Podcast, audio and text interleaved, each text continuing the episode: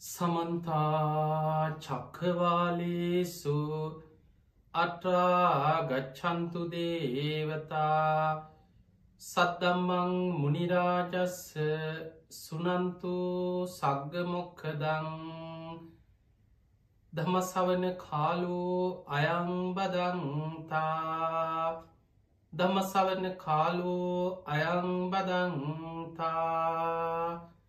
තමසවන කාලුවෝ අයංබදන්තා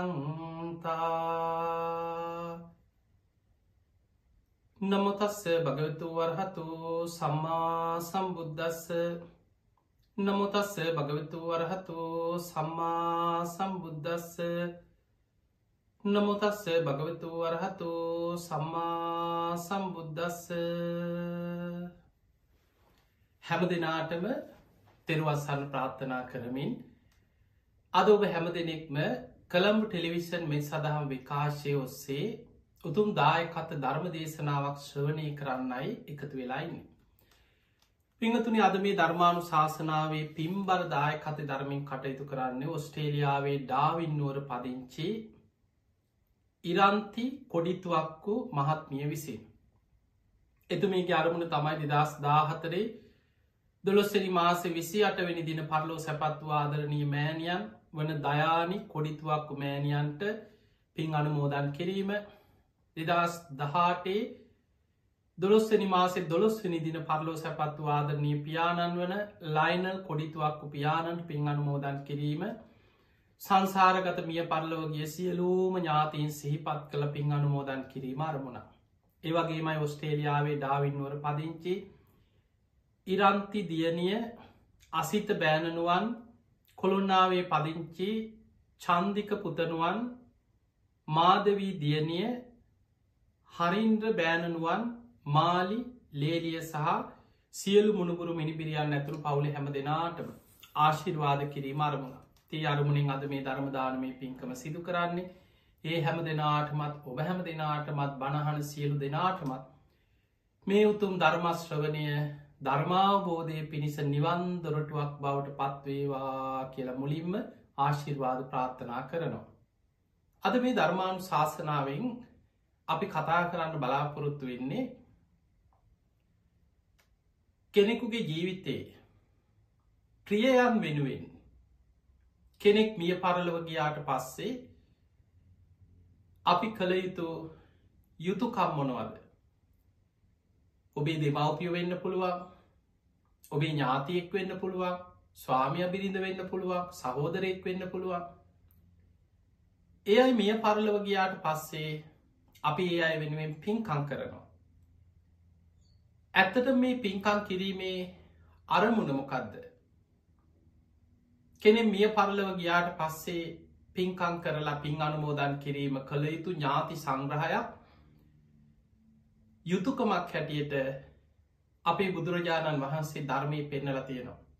සිංහලුවාද සූත්‍රයේ දරුවන්ගේ යුතුකම් බුදුරජාණන් වහන්සේ දෙමවපියන් වෙනුවෙන් කළ යුතු යුතුකම් පෙන්නද්දී බුදුරජාණන් වහන්සේ වදාලා තමන්ගේ දෙමවපිය මිය පරලෝගයාට පස්සේ ඒ දෙමාපියන් සිහිපත් කරමින් අනේ දෙමවපියෝ ජීවත් වෙලා ඉන්න කාලය අපිට මේ විදිහට උපකාර කරා අපට මේ වගේ අනුග්‍රහ කරා අපි මේ වගේ හදල වඩල පෝෂණය කරා ඒ කරුණු සිහිපත් කරලා ඒ අය වෙනුවෙන් පින්කං කරලා පින් අනුමෝදන් කිරීම දරුවන්ගෙන් විය යුතු යුතුකමක් හැටියට බුදුරජාණන් වහන්සේ පෙන්වා.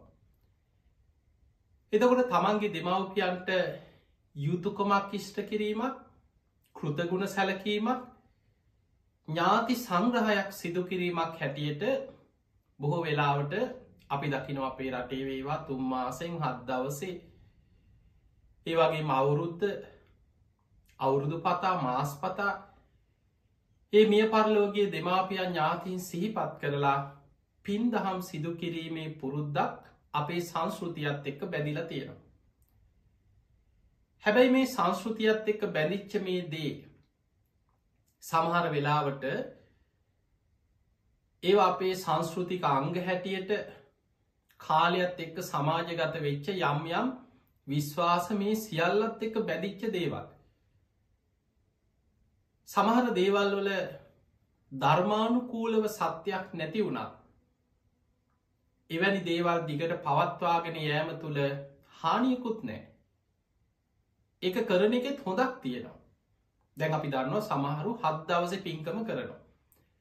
මේ බුද්ධ දේශනාවක අසූහාර්දහසක් ධර්මස්කන් දෙක කොතනවත් අපිට මේ හත් දවසෙන්ම මිය පරලව ගිහිල්ලා පින්කමක් කරලා දානයක් දිය යුතුවීම කියලා එහෙම තැනක් නෑ තුම්මාසෙන් ඒ කාන්තෙන් හරියට තුම්මාස පින්කම ඒ දවසටම කරන්න ඕන. පොඩ්ඩක් මග හැරෙන්න්න හොඳ නෑ දවස එහා මෙහා වෙන්න හොත් එහෙම දෙයක් කොහෙවත් නෑ හැබැයි අපි ඒ විදිහට හරි යොදා ගැනීම තුළ ඒ වෙනුවෙන් අපි කොහොම හරි පින්කමක් කරන්න සූදානන් වෙනවා. ඒ නිසාහි හොඳකුත් තියෙනවා. පිනතුනේ පින කියන එක කවද කොයි වෙලාවෙ කොයි මොහොත කරත් චේතනාව තුළයි පින රැස්වෙන්. බලන්න බුදුරජාණන් වහන්සේ පිනාපිට පෙන්නන්නේ මහනෙන කෙනෙක් උදෑසන අවදි වෙලා පිනක් කරනවා කුසලයක් වඩනවා භාවනා කරනවා ඒ උදෑසනයාගේ ජීවිතයට පුුණ්්‍යවන්ත උදෑසනක් සුබ මොහොතක් සුබ මූර්තියක් බවට පත්වෙනවා. කෙනෙක් දහවල් කාලේ අපිතම දවල් දොළහට දවල් එකට දෙකට මේ දහවල් කාලේ බුදුන් අදිනවා බුද්ධ පූජාව තියෙන උදෑසන දොළහට කලින් ඉක්මනට ගෙවල්වල සමහර තැන්වල උයල පිහලා බුද්ධ පූජාව තියෙනවා බොහොම ගෞරවෙන් සද්ධාවෙන් ගෙවල්ලේ බුද්ධ පූජාව තියෙන ඉන්නවා. බුදුන් අදින ඔබුදු ගුණ සහි කරනවා. දහවල් බණක් කහනවා. මෛත්‍රිය වඩනවා ධර්මය මෙහි කරනවා. ඒ වෙලාව තමයියාගේ ජීවිතයට පුුණ්්‍යවන්ත වෙලාව සුබ මොහොත සුභමූර්තිය. යාගේ ජීවිතයේ සුබම මොහොත තමයි ඒ පින් රැස්වෙන වෙලාව. අපි හිතමු රාත්‍රී කාලේ සන්ධ්‍යාවේ අපිතම රෑ දොළහට කවුරුහරි කියෙන හොඳ නැති වෙලාව. හැබැයි යාරෑ දොළහට බණහනවා භාවනා කරනවා. ධර්මී මෙනෙහි කරනවා. නින්ද යනකම් බුදුගුණ සිහි කරනවා. ඒ වෙලාවයාගේ ජීවිතයට පුුණ්්‍යවන්ත වෙලාවක් සුබ මොහොතක් සුභමූර්තියක්. ඒමනම් අපිට පේනවා කෙනෙක්ගේ ජීවිතයේ පිනක් කරන වෙලාව කුසලයක් වඩන වෙලාව සිල් රකින වෙලාව බණහන වෙලාව මෙලෝ පරලව යහපත පිරිස උපකාර වෙන කුසල් දහම් ගුණධර්ම ජීවිතයට එකතු කරගන්න වෙලාව තමයි යාගේ ජීවිතයේ සුබ මොහොත සුභමූර්තිය පුුණ්්‍යවන්ත මොහොත බවට පත්වෙන්. ජීවිතයේ අපි කරන හැම පිනක්ම රැස්වෙන්නේ චේතනාව තුළ චේතනාහම් භික්කවේ කම්මං වදා. බුදුරජාණන් වහන්සේ අපිට පෙන්නුවේ මහනෙන චේතනාව කර්මයයි. චේතයිත්වා කම්මං කරෝති කායේන වාචාය මනසා. චේතනා පහල කරලා මේ සත්වයන් කර්ම රැස් කරනවා කායේන. කයින්. වාචාය. මේ කතා කරන හැම වචනයක් තුළම හිත ඇතුළි චේතනාවක් හැදෙනවා. විතක්ක විචාර චේතනා සකස් වෙන හිත ඇතුළි. මනසා. ඉබේ හිතනව නෙමෙයි. අපි සිහියෙන් ඉන්නකොට අවදියෙන් ඉන්නකොට අපි හිතන හැම සිතුවිල්ලක් තුළම මනසේ මනෝ සංචේතනා චේතනාවක් පහළ වෙනවා. අන්නේ චේතනාව තමයි කර්මයක් බවට පත්වෙන්. ඒ විදිහට අපි චේතනා පහල කරල අපේ සිතකයි වචනය තුළින් රැස් කරගත්ත පුුණ්්‍ය කර්ම පින අපිට පුළුවන් තව කෙනෙක් වෙනුවෙන් සිහිපත් කළ අනුමෝදන් කරන්න. දස පුුණ්‍යක්‍රියා බුදුරජාණන් වහන්සේ විස්තර කරද්දී උන්වහන්සේ පෙන්නවා කෙනෙක් කරන පිනක් අපිටත් අනුමෝදන් වෙන්න පුළුවන්. පත්තානු මෝදන පින් අනුමෝදන්වීමත් පිනා. පත්ති දාන පින් දීමත් පිනා. දැ ඔබට හිතෙන්න්න පුළුවන් පින් අනුමෝදන් වෙන්න පුළුවන් මේ ප්‍රේතියන්ට විතරනේ මනුස්සය බොහොමද පින් ගන්න කිය. දැන් ඔබ හිතන්න එක මේ වගේ කවුරු හරි කියනවා කරපු පිනක් ගැන ඔබට කියනවා. මම රුවන් වැලි සෑයට ගිහිල්ලා මේ විදිහේ ලස්සනට මල් අතුරලා කිරියාහර පූජාවක් කරලා උදේ පාන්දර බුදුගුණ කියලා මං චෛත්‍යවට ප්‍රදක්ෂිනා කරලා බුද්ධානුස්සතියක් වැඩවා මං පිරිතුත් කිව්වා. හොඳට පින්කමක් කරගත්තා. ඔයත් ඒ පින් අනුමෝදන් වෙන්න කියලා. දැන් ඒ කෙනාට ඇත්තටම හදවතින්ම ඒ කියපු කරුණුටි කහල හිතේ මවාගෙන අනේ සාදු සාදු මාත් ඒ පින් අනුමෝදන් වෙනවා කියලා ඒ පින යාට අනුමෝදන් වෙන්න පුළුවන්. හැබැයි ඒක ප්‍රතිඵලේ ඒ මොහොතේ බලාගෙනින් නැති එතනම ලැබෙන වනෙමේ. සසරෙ කවදා හෝ පින් අනුමෝදන්වීමේ ඒ හිත පහදවාගෙන මෛත්‍රී සිතෙන් කරන පිනක් අනුමෝදන්වීමේ විපාකි සසරි තමන්ට විපාක දෙනවා. ඒ වගේ අපිට පුළුවන් කෙනෙක් කරන පින්කමත් දැකලා අනේ සාදු කියල අපි අනුමෝදන් වෙනවා. සමහලාවට අපට පින්කං කරන්න ඒ තරම් සල්ලි නැතිවෙන්න පුළුවන් හැකියාව නැතිවෙන්න පුළුවන්. හැබැයි ඔබට කෙනෙක් කරන පින්කන්දිහා බලල සතුටු වෙලා හිත පහදවාගෙන අනේ සාදු කොච්චර දෙයක්ද කියලා සතුටෙන් ඒ පින් අනුමෝදන් වෙන්න පුළුවන්. පින් අනුමෝදන්වීම පිනම්. හැබැයි ප්‍රේත ලෝකවල ඉන්න ඥාති ප්‍රේතයන්ට පින් අනුමෝදන් වෙනවා සමගම ඔවුන්ට තියෙනවා පින් ගන්න පුළුවන් තැන්වල ඉන්න ප්‍රේතිව හැම කෙරෙන්ම නෙමේ පින් ගන්න පුළුවන් තැන්වල ඉන්න අය පින් අනුමෝදන් වෙනකොට ඒ අයට සැප සම්පත් පහළ වෙනවා ඒ මොහොතෙම. කුසගින්න හිටපු කෙනෙක් නම් අපි දානාදී පින්කං කරලා පින් දෙනකොට ඒ පින් සාධකාරදීල ඒ අයි කොහේ හරිදල අනුමෝදන් වෙනවා. අනුමෝදන් වෙන්න පුළුවන් තැනකන ඒ අයට ආහාර පාන පහළ වෙනවා. කුසගිනි වේදනා සංසිදෙනවා සමහරුන්ට පැන් පිපාසේ සංසිදෙනවා පැම් පොකුණු පහළ වෙනවා. ඊළඟට අපි වස්ත්‍ර දන් දෙනවා. ස්වාමීන් වහන්සේලාට අට පිරිකර පූජ කරනවා සිවුරු පිරිකර පූජ කරනවා. නැති බැරි අසරණයට ඇඳුම් පැළඳුම් දෙනවා. එදකොට මේ වගේ වස්ට්‍ර දන්දීලා අපි ඒ පින් අනුමෝදන් කරනකොට පින් ගන්න පුළුවන් තැන්වල ඉන්න ඥාතින් ඒ පින් අනුමෝදන් වෙනකොට ඒ අයට වස්ත්‍ර පහළ වෙනවා සලු පිළි පහළ වෙනවා. දිවිය සලු වගේ සලු පිළි පහළ වෙනවා. ඊළඟට අපි කරන පින්කංවලට අනුව ඒ ඒ පිනේ ප්‍රබලතාවය විපාකය ශක්තිය මේ සියල්ලත් එක්ක ඒ ඒ අයි සුව පත්වෙනවා. හැබැයි මතක තියාගන්න හැමදාටම නෙමේ.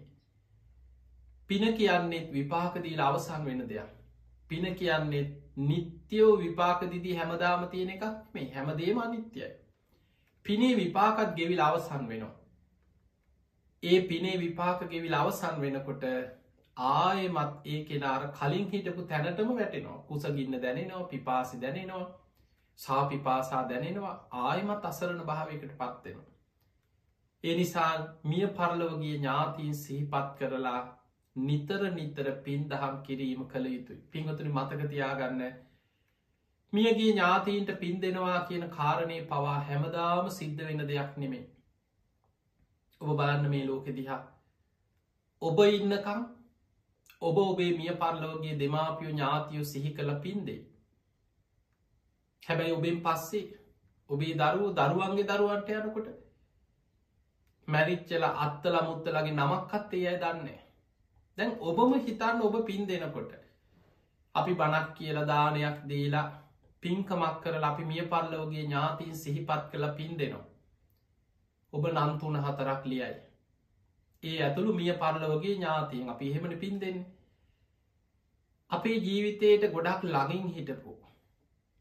ජීවිතයට ගොඩක් බැඳීම් ඇතිවෙච්ච සමහටාට ඔබේ අම්ම තාත්තා සහෝදරයෙක් ඥාතියෙක් ළඟම ඥාතියෙක් නම් ආසන්න කාලයකද මිය පරලව ගිය.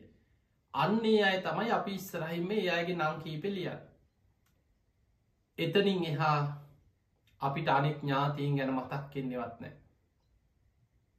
ඔබේ ආච්චිසීය ඔබ දන්න කාලේ ඔබට ගොඩක් ළඟින් ඉඳලා ඔබට උදව්පකාර කරලා ඔබ හදා වඩාගත්ත කෙනෙගෙන අන්න ආච්චිසීය මතක්කේ.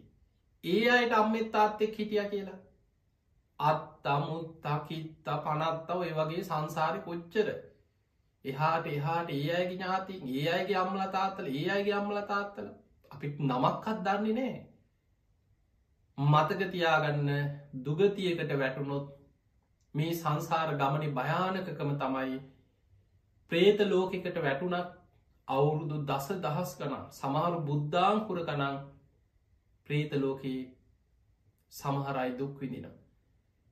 ඒ නිසා මිය පරලෝගේ ඥාතිීන් වෙනුවෙන් පින් දහම් කරලා පින් අනුමෝදන් කරන්න ඒක හරියට මේ දිනේටම කරගන්න බැරි වුණත් ඒ ආසන්න දිනේක හරි ඒ වෙනුවෙන්ගේ පින්කම කරන්න.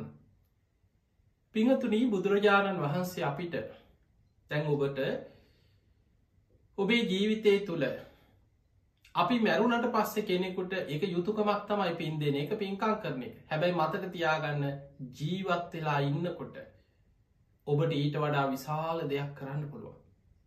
මැරුණට පස්සෙ පින්ගණ්ඩ පුළුවන් තැනකට නොයන විදිහට.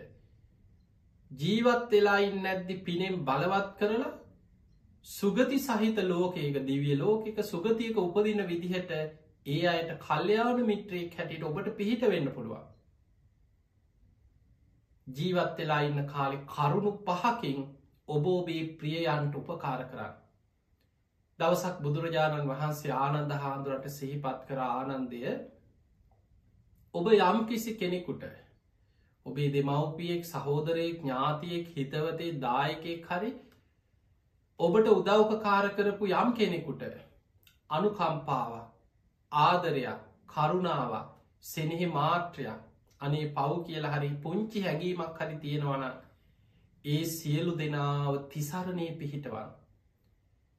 ඒ අයට සද්ධහා සීල සුත තියාග ප්‍රඥා ඇතිකරගන්න මග කියා දෙන්න කියෝ. ඒක තමයි කරන්න තියෙන එකම ප්‍රතිඋපකාරය. සද්ධාව ලාබේ ලබා දෙන එක. සද්ධාවේ පිහිටවන එක. සිල්වත් කරවන එක. ඒ අයට ධර්මී කියලා පිම්පව් කුසල් අකුසල් හොඳ නරක මේ ධර්ම කාරණා ගැන ඒ අයි තුළ සද්ධාව ඇති කරවන එක. ඒ අයි තුළ තියෙන මසුරුකම ලෝභකම යටපත් වෙන ආකාරයට දම්පින්කංවල යෙදෝලා. ඒ අයගේ ජීවිතය පිනට නැමුරු කරවන එක. ඊළඟට ප්‍රඥාව ධර්මී නුවලින් විමසල ඇති කරගන්න වැටහීම භාවනාව එවැනි කටයුතුවලට උපකාර කරන එක. අන්න ඔබ යම් කිසි කෙනෙකුට ඔබේ දරුවෙක් ඔබේ සහෝදරයෙක් ඔබේ ඥාතියෙක් ඔබේ ළඟම යාළුවෙක් හිතවතෙක් ඔබට ජීවිතය උදව් කරපු කෙනෙක් කල්්‍යයාන මිත්‍රයෙක් ඔබට කරන්න තියෙන එකම ප්‍රතිඋපකාරයේ ඔවුන් ධර්මය පිහිටවීම මයි පිංහතුනේ සුප්පතිකාර කියලා අමුත්තර නිකායේ බුදුරජාණන් වහන්සේ බොහොම ලස්සන දේශනාවක් සිදු කරන මේ දෙමවපියන්ට සැලකීම ගැන. අපි සමාජය තුළ දෙවවපියන්ට සලකනවා කියලා දකින්නේ මේ පංචකාමයන් තුළ ඉන්න මේ ලෝකයා බොහෝ වෙලාවට දෙමවපියන්ට සැලකුවා කියල හිතාගෙන ඉන්නේ. කෑම ටික දෙනවා. ලෙඩත් දුකක් වුණහම බේත් ටික ගෙනල දෙන අපිතම හොඳම වෛද්‍යවරුන්ගෙන් බේත් ගත්ත කියල. හොඳ පෞද්ගලික රෝහලක හොඳ ගෙවන වාටුවල ලෙඩත් දුකක් ඇතිවෙච්ච ගමන් දෙමවපියන්ව නවත්තල වියදන් ගැන බලන්න ඇතුව බොහම ආදරෙත් දෙමවපියන්ට බෙහෙත් හේත් කරනවා සලකනවා කෑමටිකත් ළඟට මැවිල්ල කවනවා නාවනවා බෙහෙත් ගල් වනවා තවනවා. උුණු පැන් ඇල් පැන්වලින් ඇප උපස්ථාන කරනවා. අපි හිතම වච්චනයකින්වත් හිතරිද්දවන්නේ බෝම ආදරෙන් සැලකුව මළමුට්ට ටිකාස් කරා. බොහොම ආදරෙත් දෙමවපිහට සලකගෙන හිටියා. දැන් ඔය වගේ කෙනෙක් අපි සමාජය තුළ එවැනි කෙනෙක් දිහා බලලා කියනවා එයානම් හරියට දෙමවපියන්ට සැලකුවා. එයානම් දෙමවපියන්ට යුතුකං ඉෂ්ට කරා. පිංහතුනේ ඒ යුතුකං ඉෂ්ට කිරීමක් සැලකීමක් එයා විශාල පිනක් රැස් කර ගත්තා ඒ සියල්ල හරි හැබැයි ප්‍රතිවපකාර කරලා එතනින් අවසන් කරන්න බෑ බුදුරජාණන් වහන්සේ මේ දේශනාව පෙන්න්නනවා මහනිනි තමන්ගේ අම්ම තාත්ත දෙන්න උරහිස් දෙකේ තියාගෙන අවුරුදු සීයක් කරේ තියාගෙන සලකනවා. එහෙම සැලකුවත් දෙමවපියන්ට ප්‍රතිඋපකාර කළ අවසන් කරන්න බෑ කියලා. ඊළඟට සක්විති රජක මේ පිහිට ඕනවා. චක්‍රවර්ති රාජ සම්පත්තිය කාමලෝකෙ තියෙන ඉහළම සැප සම්පත. ඒ වගේ භෞතික දේවල් පංචකාමයන් තුළ ඉහළම සැප සම්පත් දුන්නත් ඒ තුළින් ප්‍රතිඋපකාර කළ අවසන් කරන්න බෑ. බුදුරජාණන් වහන්සේ පෙන්නුවේ මේ භයානක සංසාර ගමනේ දෙමවපියන්ට ප්‍රතිඋපකාර කරලා අවසන් කරන්න හිතනවන. සසරෙන් මිදන්න උදව් කරන්න. කරුණු පහක් ඒ දෙමවපිය තුළ ඇති කරවන්න. සද්ධහා සීල සුත තියාග ප්‍රඥා. මෙන්න මේ කරුණු පහෙන් තමයි දරුවෙකුට දෙමවපියන්ට ප්‍රතිඋපකාර කළ අවසන් කරගන්න පුළුවන්කම ලැබෙන.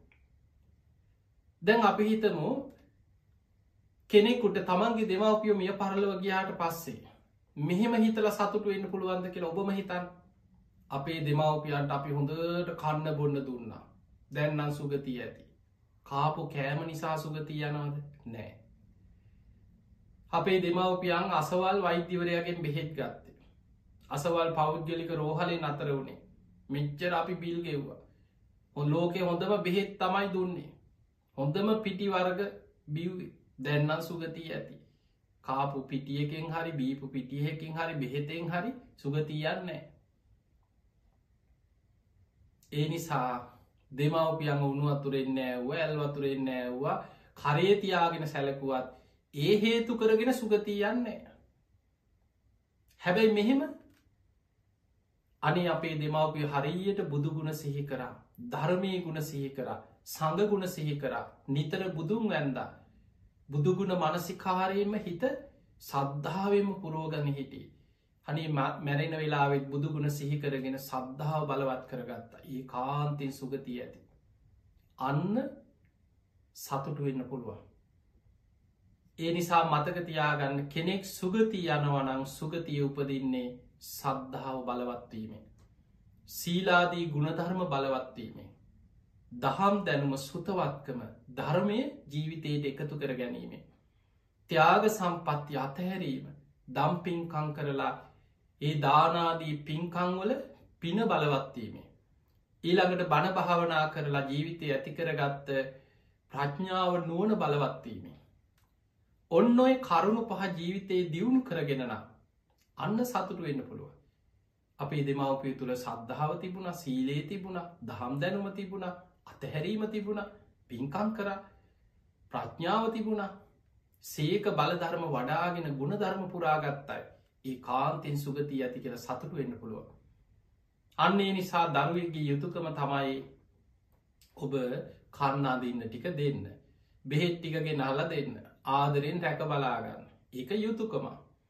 නමුත් ප්‍රතිඋපකාරයක් හැටියට ජීවිතයේ ප්‍රතිඋපකාර කළ අවසන් කරන්න පුළුවන් කරුණු පහක් බුදුහාන්දුර පෙන්. ඒ තමයි දෙමාපියෝ තුළ තුනුරුවන් ගැන සද්ධාව ඇති කරන්න ඕන ඒ තමයි පලවෙනිමදේ. සද්ධාව ඇති කරවන්න. කොහෝම හරි උපක්‍රම සීලීව සද්ධාව පිහිටවන්. සමහර වෙලාවට සමහර දෙමවපිය ඉන්න හරි මාන්න අධිකයි. දරු කිවට පිළිගන්නේ. අමට මට කවුරුත් උපදෙස් දෙන්න ඕන්නෑ කියන. මම දන්නවා කියනවා. කවුරු හරි කියනවා මේ බන අනි පෝය බනමන් දන්නවා කියන උඹල මට බණ කියන්න ඕන්නෑ කියන. එදකොට මේ වගේ බොහොම මාන්න අධික තමන් සියල්ල දන්නවා කියල හිතාගෙන ඉන්න දෙමවපියෝ ඉන්නවා. හැබැයි ඒ නැමෙන් නැති බොහොම තද පුද්ගලයෝ පවා ආදරයේ කරුණාව සෙනහස ඉදිරියේ ඒ අය ධර්මයට යොමු කරගන්න පුළුවන්. ඒ නිසා ඔබ දක්ෂ වෙන්න උපක්‍රම සීලීවෙන් බොහොම ආදරෙන් මේ සැරෙන් බැනලා සැර කරලා ධර්මයට යොමු කරගන්න බෑ. ඒ නිසා ඕනම කෙනෙ තැන් ඔබ හිතන් ඕඩම කෙනෙකුට යහපත් දේකට වේවා. බැනල සැරෙන් කිව්වොත් සමහරලාට එක පිළිගන්නේ. අපි කියන ශෛල්්‍ය ඒ වචනයේ තියෙන කරුණාබරකම මෛත්‍රිය අන්නේ තුළ කෙනෙක්ගේ ජීවිතය තුළ අනේ මේ කෙනා මගේ යහපතට මේ කියන්න. මට තියෙන ආදරය නිසා කියන්නේ. මගේ ආරක්ෂාවට මේ කියන්න. මගේ හොඳටයි මේ කියන්නේ. ඒදේ ඒ කෙනාට දැනෙන්න ඕනේ.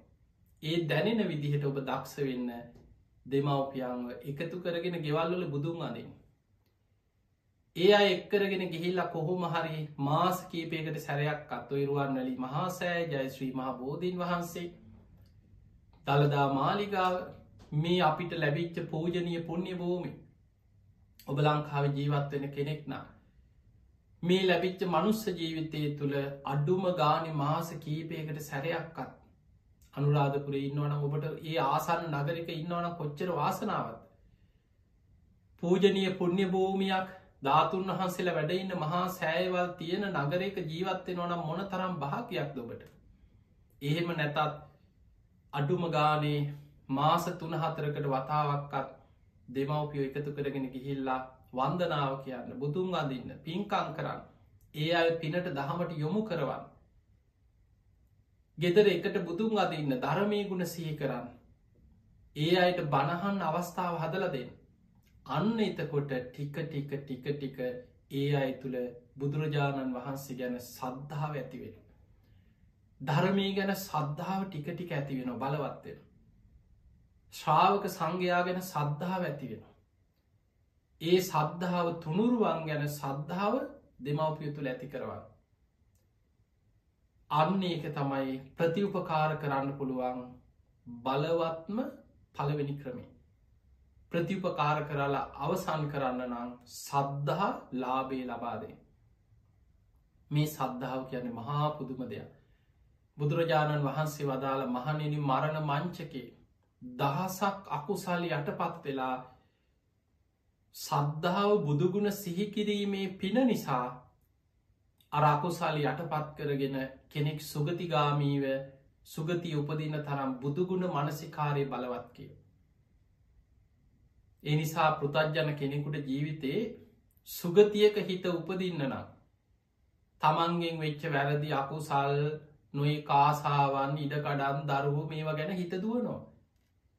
හැබැයි මරණ මංචකේ ඒවා යටපත් වෙලා බුදුගුණ මනසිකාරයක හිත පිහිටවන්න පුළුවන්නන් ඒ කෙනයි කාන්තින් සුගති උපදිනවා. පිංහතුනි බුදුරජාණන් වහන්සේගේ බුද්ධ වචනීම සඳහන් වෙනවා. මයි සද්ධහමත්තම් පේමමත්තන් සබ්බේතයේ සග්ග පරායනු. මහනෙනි තතාගතයන් වහන්සේ ගැන සද්ධහා මාත්‍රයක් ප්‍රේම මාත්‍රයක් කෙනෙක්ගෙ හිතේ මරණ මංචකේ බලවත් වුණොත් ඒ අයි කාන්තෙන් සග්ග පරායන සුගති පරායන සුගතිගාමී වෙනවා කිය. එනිසා මතකතියාගන්න මරණ මංචකයේ බුදුගුණ සිහි කරන්න. අඩුම ගාන ඔබේ ඥාතියේ කවුරුහරි ලෙඩවෙලා මරණාසන්න වෙනකොට කෑගහගෙන හෝතියාගෙන දඟලන්න එපා. අන්නේ වෙලාව තමයි යාගේ ජීවිතයේ තීරණාත්මක වෙලාව. එවැනි මොහොතක කණට කරලා හරි බුදුගුණ ටික කියන්න. ධර්මය ගුණ සිහි කරන්න සද්ධාව හිත පිහිටවා. අන්න කළ යුතු යුතුකමක්. ප්‍රතිඋපකාරයක් හැටියට ඒ අයව සුගතිගාමී කරවන්නන. මේ සතරාපාය වැටි වැටි යන භයානක සංසාර ගමනින් ඒ අයට මිදිල සුගතියක උපදින්න උපකාරයක් කරන්න නං ඒ අයි තුළ සද්ධහා ඇති කරවන්න පලවෙනිමදේ. දෙවනීක තමයි දෙමාපියන් සිල්වත් කරවන්න දක්ෂවේ. සමහර වෙලාවට ඒ අය තුළ කාලයක් ජීවිතේ පුරුදු ලේසියෙන් ඉවත් කරගන්න බැරීව ඇති. සමහරයි ඉන්නවා බොරු කියනවා. කටඇරියොත් බොරු කියන දෙමවපියඉන්න. දරුවටත් බොරු කියනවා නෑදෑයන්ටත් බොරු කියන බොරුවෙන්මයි ජීවත්තෙන. එක්ක හොරකං කරනවා. කොේ කඩේකට ගියත් මොන හරි කඩේ තියෙන දෙයක් හරි හොරකං කරන. එතකොට මෙම පුරුද්දක් හැටියට ජීවිත සමහර මත් පැන් මද්‍රවයෝල්ට පුරුදු වෙච්ච තාත්තලයින්න. හැමදාම හවසට එක්ක බොන්න ඕනේ කොච්චර පාකිවත් වෛද්‍යවරු කොච්චර පාකිවත් හොරෙන් හරි හැංගිලා හරි මේ බේබදුකම අතහැර ගන්න බැරිිය ඉන්නවා එවැනි වෙලාවක උපක්‍රම සීලීව කොහොම හරි ඒ දෙමවපියන්ට සීලේ වටිනාකම සීලේ ආනිසංස වටහලදීලා තුස්සීලක මේ ආදීනව භයානක්කම පෙන්න ලදීලා ඒ අයව උපක්‍රමසීලීව ධර්මයට යොමු කරලා සීලයක් තුළ පිහිටවන්න දක්ෂවේ. ආදරෙන් කරුණාවෙන් බෝම සෙනෙහසින් මඟ පෙන්නලා කල්්‍යානමිට ඇසුර ලබලදීලා බණහන්න සලස්සල ඒ අයව ධර්මයට යොමු කරගන්න ඔබ දක්ෂවෙන්. දෙමවපියන්ට හරියට පන්සිල්ටික ආරක්ෂා කරන්න උපකාර කරන්න. පෝය දවස්වලට ඔබ හරි යම් මාත්‍යනවා සිල් ගන්න. අම්ම තාත දෙන්නම යන් කියලා සිල් ඇදුම් හරි ගෙනත්දීල සූදානන් කරලා තමම්ම හරි එක්කරගෙන ගිහිල්ල ඒ අය වෙනුවෙන් තමනුත් සිල් ගන්න. අන්නේ විදිහට දෙමව්පියන් උපෝසතයක සමාධන් කරවන්න. පෝයට සිල් ගන්න අරගෙනයන් එක්කරගෙන යන්න. එදාටත් වෙන ගමන්දාගෙන නෑදෑගෙවල් විනෝද උත්සව පාටිදාගෙන ඒ වගේ ගමන් බිමංවලයන් නැතුව එදාට දෙමවපියන් එක්ක පෝයි දවසකට ගිහිල පන්සලකට ගිහිල සිල් ගන්න පුරුදුවේ. අන්න ඔබට ප්‍රතිඋපකාර කළ අවසන් කරන්න ලැබෙන ක්‍රමය. ඒ නිසා දෙමවපියන්ව නිත්‍ය සීලේ පංච සීලේ තුළ හික්මවන්න උපකාරයක් කරන්න අනුග්‍රහයක් වෙන්. ඒ අයට උපෝසත සීලේ සමාදන්වෙන් උපකාර කරන්න අනුග්‍රහ කරන්න මඟ පෙන්නන්න අන්න දරුවෙකුට ඒ විදිහට දෙමවපියන්ට සීලයෙන් අනුග්‍රහ කරන්න පුළුවන්න ප්‍රතිඋපකාර කළ අවසන් කරන්න ලැබෙනවා. ඊළඟදේ තමයි සුතවත්කම දහම් දැනුම දෙමවපියන්ට බණපොතක් පතක් ගිහින්දේ. දෙමවපිය බලන්න යනකොට බණපොතක් ගිහින්දේ. ඒ අයව ධර්මයට යොමු කරවන්න. ඒ අය පිනට යොමු කරවන්න. ඒ අයට එක්ක ධර්ම සාකච්ඡා කරන්න. සාමාන්‍යෙන් විදේශ රටක හිටියත් ඔබ ලෝකෙ කොහේ හිටියත්. දෙමවපියන්ට කතා කරාට පස්සෙව ගමේ හැලි නෑදයන්ගේ හැලි කුණු ගොඩවල් කෙලෙස් ඇතිවෙන දේවල් ඔස් සමල්ලාට ඒවා ඒ අයගේ පුරුදු. හැම වෙලාමෙක්ක දරුවෙක්ක කියලමක් අරය මෙහෙමයි මෙයා මෙහෙමයි සලකන්නේ නෑ අර ඉදමට මෙහෙමයි අර නඩුවයි මේ ප්‍රශ්නයි කුණු ගොඩවල් සමහරලාවට ඒ පරිසරයේ ඒ සමාජ ප්‍රශ්න ගොඩේම ඉන්න දෙමවපියෝ. සමහර වෙලාවට ඒ ප්‍රශ්න වලින්ම තමයි දැවි දැවඉන්නේ. හැබැයි එවැනි දෙයක් දැන් අපිහිතුම ඔබෝබේ දෙමවපියන්ට කතා කරනවා. ඔබ ධර්මය අහන කෙනෙක් ඔබ සද්ධාවන්ත කෙනෙක් ඔබ ධර්මය දන්න කෙනෙක්. ඔබේ දෙමවපි ඔබට වැනි කාරණා කිව්වත් ඒ සැනින් අනේ අම්මෝ අතහැල්ල දාන්න. ඔය කුණු ගොඩුවල් ඔය කෙලෙස් ඇතිවෙන දේවල්ව කතා කරන්න එපා. ඔය ඉඩ කඩම් අපි මැරෙනකොට ගෙනියනවද. ඕ හිතෙන් අතහරින්න දැන් අම්ම ධර්මයක් හිතන්න බණක් අහන්න අද බණක් ඇහුවද. අද මොකක් දහපු ධර්ම දේශනාව අන්න ධර්මයෙන් ඒ අයට අනුග්‍රහ කරන හැටි. ඒ නිසා පිංහතුනේ දෙමව්පියන්ට බණහන් අවශ්‍ය පරිසරය හදලදෙන් ගෙදර හිටිය. සමහර වෙලාවට අපි දන්නවා ගෙවල්ල ඔබට ලොකූ දෙයක් කරන්න නැතිවේ. යමක්කමක් කරන්න පුළුවන් යමක් තියෙන කෙනෙකුට අපි ඉතම ගෙදර එක ටීව එකක් තියෙනවා. හැබැ යාච්චි සීය ඔබේ අම්ම තාත්තයේ ගෙදර ඉන්නවනම් ඔවුන් කැමති බණහන් ඔවුන් ආසයි බණක් අහන්න. හැබැයි ගෙදර අනිත් අය ටෙලිනාට්‍යවලට චිත්ත පටිවලට සින්දුවහන්න මේ ප්‍රවෘත්ති බලන්න මේවටමයි උනන්දු. ළමයින්ගේ වැඩේ කාටුම් බලන්න. බඩක් අහනකොට ඇවිල්ලා රිමෝට්ටික උදුරලාරගෙන කාටුන එකක් දාන්න අන්න අර දෙමවපියන්ගේ හිතට ලොකු දුකක් ඇති අනි අපිට බණක්කත් අහන්න නෑ. මේ දරුව නිසාපිට ධර්මයකොත් හැසිරෙන් හැබැයි මුකුත් අර දරුවන්ට තියෙන සෙනෙහා සාදරය නිසා ඉවසගෙන ඉන්නවා වෙන්න පුළුවන්. ඔබට පුළුවන් අඩුම ගාන ඒ අයට කාම්බරයකට හරි ටීව එකක් පොඩි ටීව එකක් හරිල්ල සූදානන් කරලා බනාහන්න පුළුවන්. අද කොච්චර පැයි විසි අතරම බණ යන නාලිකා කොච්චර තියෙනවාද. බනක් අහන්න පුළුවන් විදිහට ඒ අයට අවස්ථාව හදලදේ. ඒ අයට පාඩුවේ බණහන්න ගුණධර්ම පුරන්න බුදුන් අඳින් අවශ්‍ය බුදු කුටියක් හරි ගෙදර කාම්බර තියෙනවනම් වෙන් කරලා හදලදේ. ඒ අයව ධර්මයට යොමු කරවන්න අන්නේ අය පාඩුවේ බණක් අහගෙන ගුණධර්ම පුරාගෙන බණපොතක් කියෝගෙන දහම් දැනුම ජීවිතය ඇති කරගන්න. පිංහතුනී දහම් දැනුම කියලා කියන්නේ. බුදුරජාණන් වහන්සේ පෙන්නනවා යුද්ධකට යන රජ කෙනෙක් සතුරු සේනාවන්ගෙන් තමන්ගේ රට ආරක්ෂා කරගන්න නවීන අවියාවිද රැස් කරගන්න. ඒ අවියාවිද කොච්චර බලවද්ද ඒ රැස්කරගත් අවිආවිධවල තියෙන බලවත්කම ඉක්මනින් ක්‍රියාත්මක කර හැකි බව නවීනකම යුද්ධේ ජයග්‍රහණය තීරණය කරනවා. ඒ වගේ තමයි කෙලෙස් යුද්ධයට යන මගේ ශ්‍රාවකයන්ටත් ආයුධ ගබඩාවක් තියෙනවා. කෙලෙස් යුද්ධයට යන මගේ ශ්‍රාවකයන්ගේ ආවිධ තමයි දහම් දැනුම. බුදුරජාණන් වහන්සේ යුද්ධකට යන රජ කෙනෙක් අවියාවිධ රැස් කරනවා වගේ උන්වහන්සගේ ශ්‍රාවක වෙච්ච භික්ෂු භික්ෂුණී උපාසක උපාසිකාවෝ ඒ අයටත් යුද්ධයක් තියෙනවා. ඒ යුද්ධ අවියායුදෝලින් කරන යුද්ධයක් නෙමේ කෙලෙස් එක්ක කරන යුද්ධයක් මේ හිතේ බලවත්වෙන රාග දවේශ මෝහ ඉරිසියා මානාදී ක්ලේෂයන් එක කරන යුද්ධයක් තියෙන්.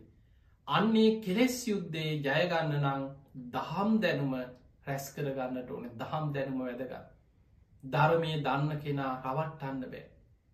ධර්මය දන්න කෙනා මුලා කරන්න බෑ. ධර්මය දන්න කෙනෙක්ව නොමග යවන්න බෑ. කවුරු මොන බොරුව කිව්වත් කවුරු ඔබ අන්දන්න හැදුවත් කවුරු ඔබෝ රවට්ටන්න හැදුවත් ධර්මය දන්න කෙනා රැවටෙන්නේ අහුවෙන්නේ මුලා වෙන්නේ. එයා දන්නවා ඒක ඇහෙනකොට මේ ආදන්න කවරු හරි ඇවිල් අපි හිතම ඔබෝ නොමග යවන් අධර්මයක් කියනවා. ඔබට ටික වෙලා කහගෙනන්නකොටම තේරෙන මේ නම් ධර්මය නෙමේ මේ බුදුහාදුරන්ගේ ධර්මය නෙමේ. මේක මෙයාගේ මේ පෞද්ගලික අදහසක්නේ. මේක ධර්මයට එකග නෑ බුද්ධ දේශනාවට එකග නෑ. අන්න ධර්මය දන්න කෙනා කාටවත් රවට්ටන්න බෑ නොමග යවන්න බෑ. එයා ධර්මය ධර්මය හැටියටත් අධර්මය අධර්මය හැටියටත් වෙන් කරගන්න දක්සයි. එනිසා පිංහතුනී ඔබෝබේ දෙමවපියන්ට ප්‍රතිඋපකාර කරන්න හිතනවනං ඒ අයට දහම් දැනුම ඇතිකරගන්න උපකාර කරන්න. සුතවත් භාවය ලබලදේ. ඒ කාන්තෙන් සුගතියන් උපකාර වෙන සේක බල ධර්මයක්. හතරවෙනි එක තමයි ත්‍යාග සම්පත්ති අතහැරීම දන්දීම මසුරුකම ලෝභකම දුරු කරලා. දානය අතහැරීම ත්‍යාග සම්පත්තිය පුරුදු කරවන්න දක්ෂවේ සමහර වෙලාවට ඔබට හිතෙන්න්න පුළුවන් අපි පින්කං කරනවා අපි දන් දෙනවා අපි එහෙම ලෝබ නෑ. එහෙම කියනවා තමයි. හැබැයි ඔබ ඔබේ හිත දිහා බලන්න. අමාරුම දෙයක්. ධර්මය සඳහන් වෙනවා දානං යුද්ධංච සමානමාහු. දන් දෙනවා කියන්නේ යුද්ධයක් හා සමානයි. මේ හිත අභ්‍යන්තරයේ ලෝභකම මසුරුකම එක කරන යුද්ධයක්. දෙන්දෝ නොදෙන්දෝ දෙනවද නැද්ද දෙනවද නැද්ද? කොච්චරනම්? හිත ඇතුළෙන් හිතලා හිතලා හිතලා හිතලා කී දෙනෙක් නම් පරදිනවද මේ යුද්ධේ? මසුරුකම බලවත්වෙනවා. අපරාධි දෙන්නේ. මොකටද දෙන්නේ. මොකක් හරි දේකට තියාගන්න පුළුවන් අඩුගාන ගෙදර වැඩකාරයකුට හරි දෙන්න බැරි ඔය අනුන්ට දෙන එක ඔය දුන්න කියලා මොනවද අපිට ලැබ අන්නේ වගේ සාධාරණ විදිහට මසුරුකම ලෝභකම සාධාරණ හේතු පෙන්න පෙන්න ඔබේ ත්‍යාග සිත දාන මේ සිත යටපත් කරන දන් දෙනවා කියැන ලේසි දෙයක් නෙමේ සංසාර පුරුද්දක් තිබේතුයි.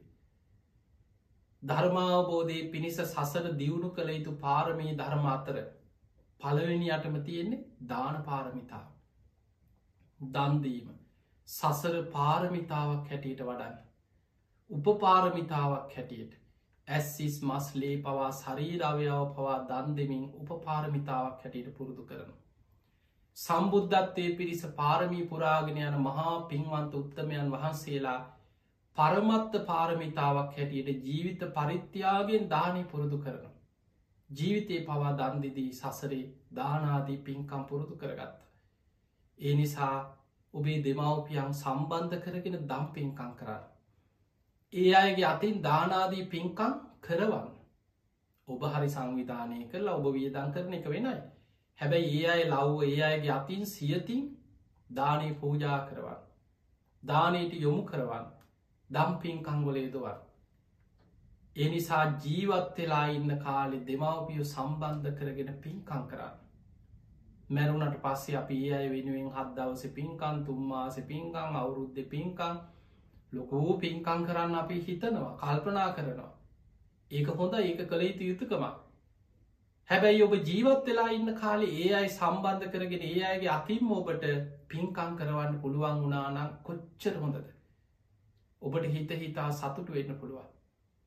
ඊළඟට ඒ දෙමව්පියන් එක කතා බහ කරත් ඒ කරපු පින් සිහිපත් කරවන්න. ඔබ හල ඇති පින් පොත ගැන. ඉස්සර දුටු ගැමනු මහරජ්ජුරුවන්ටත් පින් පොතක් තිබ්බ කියලා. තමන් කරපු පින්කං ඒ පොතේ ලියලා නිතර නිතර මෙනෙහි කර කර සිහි කර කර බලවත් කරගත්තා. මං මේ වගේ පින් කරා. මං මේ වගේ පින් දහම් කර මගේ ජීවිතේ මං මේ තරම් පින් කරගත්තා කියලා ඒ තමන් කරපු පින් සිහි කරන්න සිහි කරන්න පින් බලවත් වුණා. ඉස්සර අපේ පරණ ඉතිහාසේ ආච්චිල සියල ළඟ ඔයි පින්පොත් භාවිතයේ සමාජි තිබිල තියෙනවා. හැබැයි ඒක වටිනාකම දන්න වනං වර්තමානය අපිට කොච්චර දියුණු විදිහට පින් පොත් හදාගන්න පුළුවන්. තැම් බලන්න ඉස්සර පොතක් තියාගෙන ඕක අකුරුවලින් ලිව්වා. අදාපිට පින්තූරවලින් ලස්සනට පොතක් හදල කරපු පින්කංගොල පින්තූරාලෝගෙන බොහොම ලස්සනට කරපු පින්කං එකතු කරලා නිතර සිහි කරන්න බලන්න පුළුවන් විදියට පින් පොතක් හදාගන්න පුළුව තාක්ෂණයත් එක්ක ඉන්න කෙනෙක්න තමන්ට කොච්චර ඒ වීඩියෝ කරනේවා පින්කංගොල කොටස් පින්කංගොල පින්තුර ඒවා එකතු කරලා බොහොම ලස්සන්ට ඒ ඡායාරූප එකතු කරගෙන තමන් කරපු පින් සිහිකර සිහිවෙන විදිහට ඒව බලවත් කරගන්න පුළුවන් පිනක් ගැන හිතන්න හිතන්න පින් බලවත්වෙනවා. එනිසා පිංවතුනේ ඔබ ඔබේ දෙමවපියන්ට ප්‍රතිඋපකාර කරන්න හිතනවනං ඒ අය සම්බන්ධ කරගෙන පින් කරවන්න. ඒ අය පිනට යොමු කරවන්න දානය අතහැරීම ත්‍යාග සම්පත්තිය. ඒ අය යොදවන් අන්න ඒ පින ඒ කාන්තෙන් ඒ අයට ඒ දානාදී පින් බලවත් කරගෙන සුගතිගාමී වෙන්න පුළුවන්. පස්වනි එක තමයි ප්‍රඥාව. ධර්මය නුවනින් විමසල ඇති කරගන්න අවබෝධඥානි ප්‍රඥාව. ගැඹුරු ධර්මකාරණා නුවනින් විමසල ඇති කරගන්න වැටහීම. පිංහතුනි ප්‍රඥාව ඇතිවෙන්න නම් බාහිරින් ලැබෙන් ඕන කාරණා දෙකක්. කල්්‍යාන මිත්‍ර ඇසුරයි සද්ධර්මශ්‍රවනයයි. ප්‍රඥාවට උපකාරවෙන බාහිර කරුණු කල්්‍යාන මිත්‍රයන් වහන්සේලාගෙන් බුදුරජාණන් වහන්සේ වදාළ පිරිසිදු ධර්මය අපිට අහන්න ලැබෙන්න්නට ඕන. තමා තුළ ඇතිවෙන්න ඕනෑ යෝනිසෝ මනසිකාරයේ අහන ධර්මය ඇසූ ධර්මය නුවනින් විමසීමේ දක්ෂතාව තමා තුළින් විමසලා නුවනින් විමසල තමා තුළින් බැලීමේ දක්ෂතාව ඒකට අපි කියන යෝනිසෝ මනසිකාරය ඊළඟට දම්මානු දම්ම ප්‍රතිපදාව. ඒ ධර්මයට අනුකූලවම ජීවත්වීමේ දක්ෂතාව. ඔන්න ඔය කරුණු හතර කෙනෙක් තුළ තියෙනවා නං ඒවට ධර්මය කියෙන සෝතාපත්ති අංග සෝවාන් වෙන්න උපකාරවෙන අංග. හැබයි සෝතාපන්න වෙච්ච කෙනෙකුට පිහිට අංග හතරක් වෙනම තියෙනවා සෝතාපත්ති අංග හැටියට බුද්ධ අවිච්ච ප්‍රසාදී දම්මේ අවිච්ච ප්‍රසාදයේ සංගේ අවිච්ච ප්‍රසාදය ආරය කාන්ත සීලේ ඉව සෝවාන් වෙච්ච ශ්‍රාවකෙක් තුළ පිහිටට අංග හතර. බුදුහාදුරුව පෙන්වා සෝවාන් වීම පිණිස ධර්මාවබෝධයට උපකාර වෙන අංග හතර. ඒ තමයි බාහිරින් ලැබෙන කල්්‍යාන මිත්‍ර ඇසුර සද්ධර්මශ්‍රවනේ. තමා තුළ ඇති කරගන්න ඒ අහන ධර්මය නුවනින් විමසීම යෝනිසෝ මනසිකාරය සහ ධර්මයට අනුකුළුව ජීවත්වීම දම්මානු දම ප්‍රතිපදා. මෙන්න මේ කරුණු හතර එකතු වෙච්ච තැන ධර්මාවබෝධය කරා ප්‍රඥාව කරා යන්න පුළුවන්. අර ආලවක සූත්‍රය ඔබට මතක ඇතිය. ආලවක බුදුහාදුරන්ගෙන් අහනවා කතන්සු ලබතේ පඤ්ඥා ප්‍රඥාව ලැබෙන්නේ කොහොමද? බුදුරජාණන් වහන්සේ වදාළ සද්ධානෝ අරහතන් දම්මන් නිබ්භාන පත්තියා සද්ධාවෙන් නිවන කරායන බුදු පසේ බුදු මහරහතන් වහන්සේලාගේ ධර්මය අහන්න. සුස්සූසා ලබතේ පඥ්ඥා අපමත්තෝ විචක්කනු. ඒ ඇසූ ධර්මය ප්‍රඥාව ලැබෙන තෙක්ම අප්‍රමාදීව නුවනින් හිතන්න යෝනිසෝ මනසිකාරයේදේ. අන්න ප්‍රඥාව ලබන මග. අහන ධර්මය ප්‍රඥාව ලැබෙන කම්ම නුවනින් විමසනවා. යෝනිසෝ මනසිකාරය දෙනවා. තමා තුළින් ගලප ගලප බලනවා. අන්නේ නිසා පිංහතුනි ඔබ ඔබේ දෙමව්පියන්ව ප්‍රතිඋපකාර කරන්න කල්පනා කරනවන ඒ අයි සුගතිගාමී කරවන්න ධර්මාවබෝධය පිණිස අනේ මේ අයි ධර්මය අවබෝධ කන කර ගනිත්වා කියල ඔබට සිතුවිල්ලක් හරි තියෙනවන. ඒ අයව ප්‍රඥාවය පිහිටවන්. ඒ අයට බණ භාවනා කටයුතුවට ඒ අයි යොදවන්. ධර්මය තමා තුළින් නුවනින් විමසලා තමන්ගේ ජීවිතය තුළින් බලන ආකාරී ඒ අයට කියලදේ. ඔන්න ඔය කරුණු පහ ඔබට ඔබේ දෙමවපිය තුළ වේවා ඔබේ හිතවතෙක් ඔබේ යාල්ුවෙක් ඔබේ ආදරණයේ එක් ඔබේ ස්වාමිය ඔබේ බිරිඳ ඔබේ දරුවන් කාවහරි තුළ ඔබට ඔය කරුණු පහ ඇති කරවන්න පුළුවන්න සද්ධාව ඇතිකොරෝනවා සීලාදී ගුණධර්ම තුළ ඔවුන් පිහිටෝනෝ දහම් දැනුමෝවුන් තුළ ඇති කරවනවා. ත්‍යයාග සම්පත්ති අතහැරීම දම්පින්කංගවලට ඕන යොදෝනෝ ප්‍රඥාව බණ භාවනා කටයුතුවලට ඕන යොදෝනෝ ඔන්න ඔය කරුණු පහ ඔබට ඒ අයි තුළ ඇති කරවන්න පුළුවන්නම් ඔබේ කාන්තෙ ප්‍රතිඋපකාර කරපු කෙනෙ පිංහතුනි ඒ අයි කාන්තෙ සද්ධහා සීල සුතතියාග ප්‍රඥා කියන්නේ සුගතිගාමි වෙන්න උපකාර වෙන සේක බලධර්ම. ඒ අයි මරණින් මත්ත මේ කරුණු පහ ටික ටික හරි තමන් තුළ බලවත් කරගෙන තිබුණා නං බුදුරජාණන් වහන්සේ උපමාවකට පෙන්වේ යථාබතන් නික්කිත්තෝ ඒවන් සක්ගේ හිසේ තිබ්බ බරක් අතහැරිලා නිදහස් වනා වගේ මෙහෙන් හුස්ම ටික යනකොටම සැනින් දෙවුලව සුගතියේ අය පහළවෙන. ඒ නිසා ඔබ සුගතිගාමීව ධර්මාවබෝධය කරා නිවන කරා යන විදිහට ඔබේ ආදරණීයන්ට ඔබේ ඥාතීට ඔබේ හිතවතුන්ට ඔබේ දෙමවපියන්ට වේවා ප්‍රතිඋපකාර කරන්න කල්පනා කරනවනම් ඔබ කළ යුත්තේ ඔවුන් තුළ සද්ධහා සීල සුත තියාග ප්‍රඥා කියන මෙන්න මේ කාරණා පහඇති කිරීම එකට ධර්මී ගැන සේක බල මේ කරුණු පහ කෙනෙක් තුළ දියුණු වෙනකොට යා සද්ධානු සාරී වෙනවා. තවදුරටත් තමන් තුළ වැඩෙනකොට දම්මානු සාරී වෙනවා. සද්ධහා සීල සුතතියාග ප්‍රඥා බලවත් වෙනකොට යා සෝවාන් පලට පත්වෙන. සද්ධහා සීල සුතතියාග ප්‍රඥා බලවත් වෙනකොට සකදාගාමි වෙනවා තවත් බලවත් වෙනකොට අනාගාමි වෙනවා. මහරහතන් වහන්සේලා තුළ සද්ධහා සීල සුතතියාග ප්‍රඥා පරිපූර්ණයි. උතුම් අරහත්වේ දක්වාම සසරේ දියුණු කළ යුතු කාරණා පහක්මේ. කවදහරි ඔබ නිවන් දකින්න හිතනවන. සසරින් මිදන්න හිතනවන අනේ කවදාහරි මේ භයානක සසරින් මිදන්න ඕන කියලා සිතුවිල්ලක් හැඟීමක් බෞද්ධයක් කැටිට ඔබ තුළ ඉපදිලා තියෙනවද. ඔබ දියුණු කරන්න තියෙන්නේ ඔය කරුණු පහස්සේක සේක කියන්නේ ධර්ම මාර්ගය වඩන කෙනා. ඒ ධර්මමාර්ග වඩාගෙන යන කෙනාට අවශ්‍ය බල ධර්ම පහතමයි සද්ධහා සීල සුත තියාග ප්‍රඥා මෙන්න මේ කරුණු පහ තමන් තුළ දියුණු කරගන්න වර්ධනය කරගන්න වඩාගන්න ඔබ තුළත් ඇති කරගන්න ඔබේ දෙමවපිය තුළත් ඇති කරවන්න මහන්සිගන්න ඔබේ ආදරණීයන් ඔබේ ලගින් ඉන්නයි ඔබේ හිතවතුන් යාළු මිත්‍රයෝ. අඩුගාන සාමීන් වහන්සේ නමක් නම් ඔබේ දායක කාරකාදී ඒ සියලු දෙනා තුළ සද්ධහා සීල සුත්තතියාග ප්‍රඥා බලපත් කරන්න ඔබ මහන්සිගත් අන්න ඔබට පුළුවන් ඔවුන්ට ප්‍රතිඋපකාර කරන්න. යම් උදව්වක් ඒ අයගෙන් ඔබේ ජීවිතයට ලැබුණද? යම් උපකාරයක් ඒ අය ඔබේ ජීවිතයට සිදු කරාද? ඔවුන්ට කළ හැකි උතුම්ම ප්‍රතිඋපකාරය තමයි සද්ධහා සීල සුතතියාග ප්‍රඥා ඇති කරගන්න මඟ පෙන්න්න පිංහතුනේ අන්න එතකොට ඔබ මෙලවත් භෞතික වසයෙන් ලෞකික වසේ මෙලවත් ඔවුන්ට උපකාර කරා පරලවත් මේ භයානක සංසාර ගමනින් මිදිලා නිවන කරායෑම පිණිස පරලවිනුත් ඔබට කල්්‍යයාන මිත්‍රයේ කැටියට අනුග්‍රහයක් කරාවෙන්න පුළුවන්.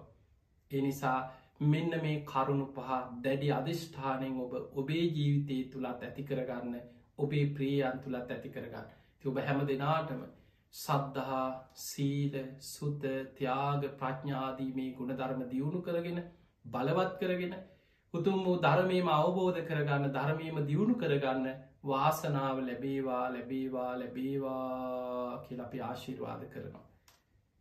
පිංහතුනි අද මේ ධර්මශ්‍රවනයෙන් ඔබ රැස් කරගත් සියලූම පින්. සියලු දෙවියෝ සාධු කාරදිදී මේ පින් අනුමෝදන් වෙත්වා. ඒ දෙවියන්ගේ පිහිට රැකවරන ආශිර්වාදය ඔබ හැම දෙනාටම ලැබේවා ලැබේවා කියල අප ආශිර්වාද කරනවා. අද මේ ධර්මාණු ශාසනාවේ පින්බර දායකත්ති දැරුවේ ඔස්ට්‍රේලියාවේ ඩාවින්නුවර පදිංචි ඉරන්ති කොඩිතුවක්කු මහත්මිය විසි. එතුමියගේ ප්‍රධාන අරමුණ තමයි දෙදස් දාහතරි දොළොස්වනි මාස බිස්සි අටවෙනි දින පරලෝ සැපත්තු ආදරණය මෑනියන් වන දයානි කොඩිතුවක්කු මෑනියන්ට පින් අනුමෝදන් කිරීම දෙදස් දහටේ දොළොස්වනි මාසේ දොළොස්වනි දින පරලෝ සැපත්තු ආදරණය පියාණන් වන ලයිනල් කොඩිතුවක්කු පියානට පින් අනුමෝදන් කිරීම සංසාරගත පරලෝ සැපත් ඥාතීන්ට පින්දී. තිගේ මිය පරලවගේ ආදරනය මෑනියන් පියාණන් ඇතුළු සියලු සංසාරගත ඥාතීන් සාධු කාරදිදීමේ පින් අනුමෝදන් වෙත්වා. ඒ පවුලේ පින් අපේක්ෂාවෙන් ඉන්න සියලු ඥාතීන් මේ පින් අනුමෝදන් වෙත්වා. ඒ අයගේ පරලෝ ජීවිත සැපවත් ඒවා සූපත් ඒවා සංසාරදුකින් අතමි දේවා කියල සාදු කියල පින් දෙන්න. බණහපු බැහැම දෙනාමත් ඔබ නමින් මිය පරලෝගී ඥාතින් සිහිපත් කළ සාදු කියලපින් අනුමෝදන් කරන්න. ඒවගේම සුජීවත සිටින ඔස්ට්‍රේලියාවේ ඩාවින් නුවර පදිංචි ඉරන්ති දියනිය අසිත බෑනනුවන් කොළොන්නාවේ පදිංචි චන්දික පුතනුවන් මාධවී දියනිය හරින්ද බෑනනුවන් මාලි ලේලිය සහ සියලු මුණුබිර මිනිබිරියන් ඇතුළේ පවුලල හැම දෙනාම නිදුක්වේවා නිරෝගිවේවා සුවපත්තේවා සියලු දෙවියන්ගේ පිහිට රැකවන තුනුරුවන්ගේ ආශිර්වාදය හැම දෙනාටම සැලසේවා. උතුම් ධර්මාවබෝධී පිණිසම ඒ පින හැම දෙනාට ආශිර්වාදයක් වේවා කියෙන ආශිර්වාද ප්‍රාර්ථනාව ඒ අයගේ උතුම් අරමුණු අතර සඳහන් වෙනවා. තේමනං ඔස්ට්‍රේලියාවේ ඩාවින් නුවර පදිංචි ඉරන්ති කොඩිතුවක්කු මහත්මිය ඇතුළු හැම දෙනාමත්. බණහප ඔබ හැම දෙනාමත් ලක්වාසි ලොවාසි හැම දෙනාමත් නිදුක්වේවා නිරෝගිවේවා සුව පත්තේවා. හැම දෙනාට මුතුම් ධර්මාවබෝධය පිණිස මේ පින ආශිර්වාදයක් පාර්මිතාවක්ම වේවා වේවා කියලප ආශිර්වාද කරනවා. ආකා සට්හාච බුම්මට්හා දේවානාගා මහිද්දිකා පුഞ්ඥන්තං අනුමෝදිත්වා චිරන්ඩක් කන්තු ලෝක ශාසනං ආකා සට්හාච බුම්මට්හා දේවානාගා මහිද්දිකා පුഞ්ඥන්තං අනුමෝදිත්වා චිරන්ඩක් කන්තු දේශනං ආකා සට්ඨාචිපුම්මට්ටා දේවානාගා මහිද්දිකා පුഞ්ඥන්තං අනුමෝදිත්වා චිරන්ඩක් කන්තුතුවං සදා. හැම දෙනාටම සම්මා සම්බුදු සරණ